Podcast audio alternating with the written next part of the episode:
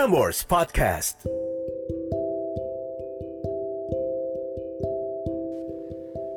Catatan akhir malam oleh Narendra Pawaka.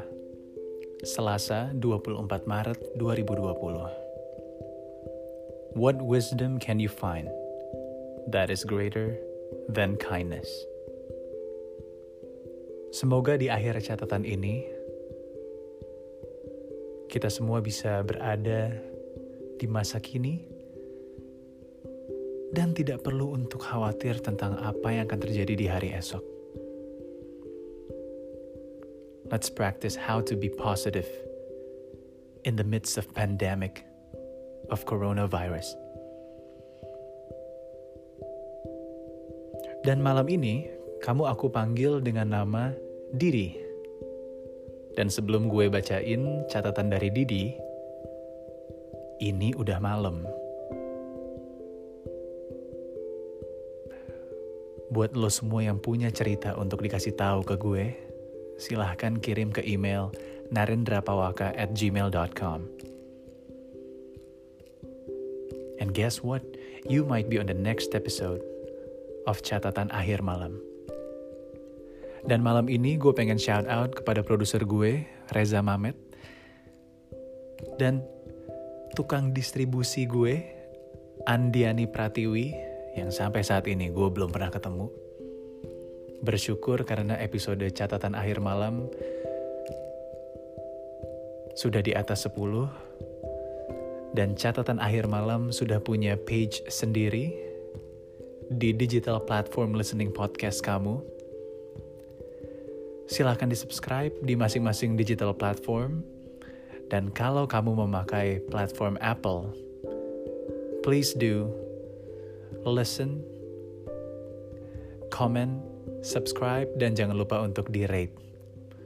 Karena dengan rate sampai 5 rate dan kamu tulis komen kamu, podcast catatan akhir malam akan terus dan terus mencatat catatan baru dari orang-orang yang punya cerita yang butuh untuk diceritakan. Akan gue tunggu terus ceritanya, dan semoga semua kebagian untuk dibacain. Siap malam ini?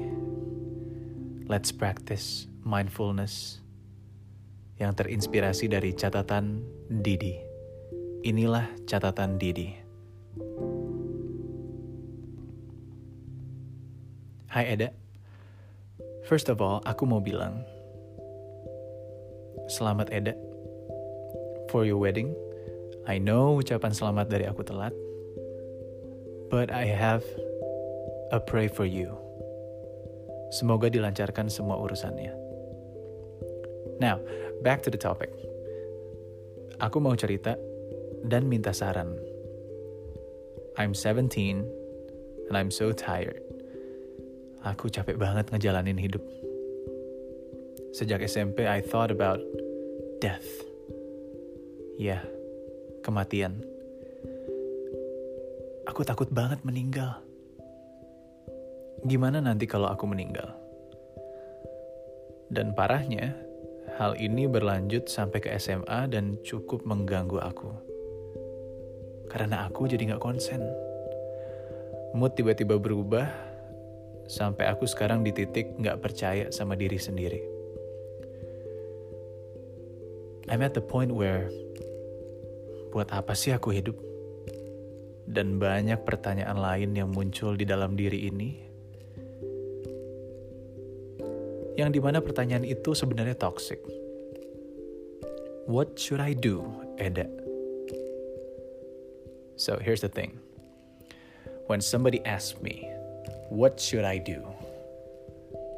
That is the point where I should not tell you what to do.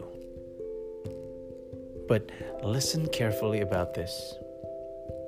Buat kamu semua yang merasa capek, merasa takut tentang hari esok, You have this fear of death. You have this fear of kayaknya gue udah gak ada andilnya deh di bumi ini. No. Lo masih punya tujuan di bumi ini. Dan di saat lo mendengarkan ini, semestinya yang harus dilakukan adalah bersyukur karena lo masih sehat untuk mendengarkan podcast ini di rumah aja. Buat yang sedang sakit, I hope you'll be well. So practice this buat lo semua yang jadi gak konsen. Jadi takut untuk percaya diri. Let's practice together. Melanjuti dari episode sebelumnya, gue mengambil catatan ini dari The Father of Mindfulness, that is Thich Nhat Hanh tentang bukunya How to Relax. Masuk ke chapter catatan tentang easing worry. Oke. Okay? Jadi meredam kecemasan. And it goes like this. Sometimes we think and worry nonstop. Okay, it's like having a cassette tape continually turning in our minds. Or when we leave the television set for a very long time. We leave them on, it becomes hot. Our head also gets hot from all our thinking. When we cannot stop, we may be unable to sleep well. Even if we take a sleeping pill, we continue to run, think, and worry in our dreams. The alternative medicine is mindful breathing. If we practice mindful breathing for five minutes, allowing our body to rest, then we stop thinking for that time. We can use words like in and out to help us be aware of our breathing. And this is not thinking.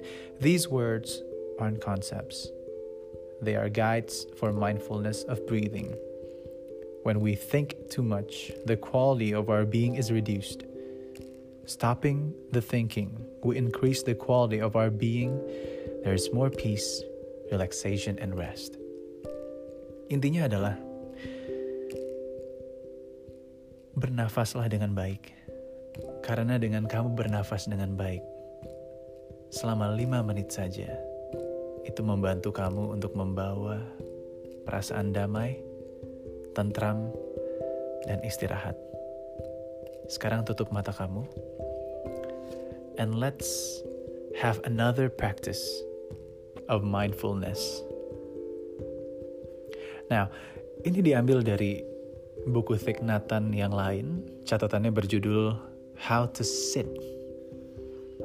Bayangkan, di era yang teknologinya memungkinkan untuk kita di rumah aja, streaming, mendengarkan podcast, ngobrol, bahkan FaceTime sama manusia lain Thich Nhat Hanh masih memberikan kita catatan tentang how to sit, bagaimana cara duduk.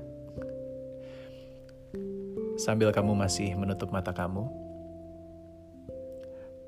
let me read for you chapter tentang listening to the bell or to the music of this back sound. So it goes like this When we sit and listen to the bell, or the music, we can allow all the cells in our body to listen to the sound. The mind is also made of something like cells. These are our thoughts, feelings, and perceptions, and our ideas about how things are and should be. All the mental formations exist in the unconscious mind as seeds when a seed, for example, the seed of anger or fear of death, is touched, it manifests in the conscious mind, and there we call it a mental formation. So, whatever mental formation has arisen in us, we can allow it to listen to the bell or to the music. Temukan perasaan yang kamu rasakan saat kamu mendengarkan background ini? Apakah perasaan itu cemas? Nggak konsen? Takut akan hari esok? Marah? Attachment? Now we allow the mental formation to listen to the music with us. Just as a flower is made of non flower elements, we are made of non us elements. kita ini tercipta bukan hanyalah kita, bukan selalu tentang kita. But we are made of ancestors, culture, food, air, and water. We are made of form, feelings, perceptions, mental formations, and consciousness. So we invite every component to listen deeply to the bell, to the music. This way of listening brings peace into every cell of the body and mind. Jadi kapan pun kamu merasa khawatir, takut akan apa yang terjadi di hari esok, atau yang sedang terjadi saat ini dengan dirimu, just close your eyes dan dengarkan kata hatimu. Temukan apa yang terdalam yang dia katakan dan ikuti terus alunannya. Semoga buat kamu yang tidak bisa konsen atau takut akan kematian, kamu bisa temukan kata hatimu kembali yang berkata, "Bersyukurlah kalau kamu masih sehat." Didi, I hope you're fine, and I wish you well in every path that you have chosen or may have chosen. Nama gue Narendra Pawaka, dan inilah catatan akhir malam. Have a good night, sleep tight, and don't let the bad bugs bite.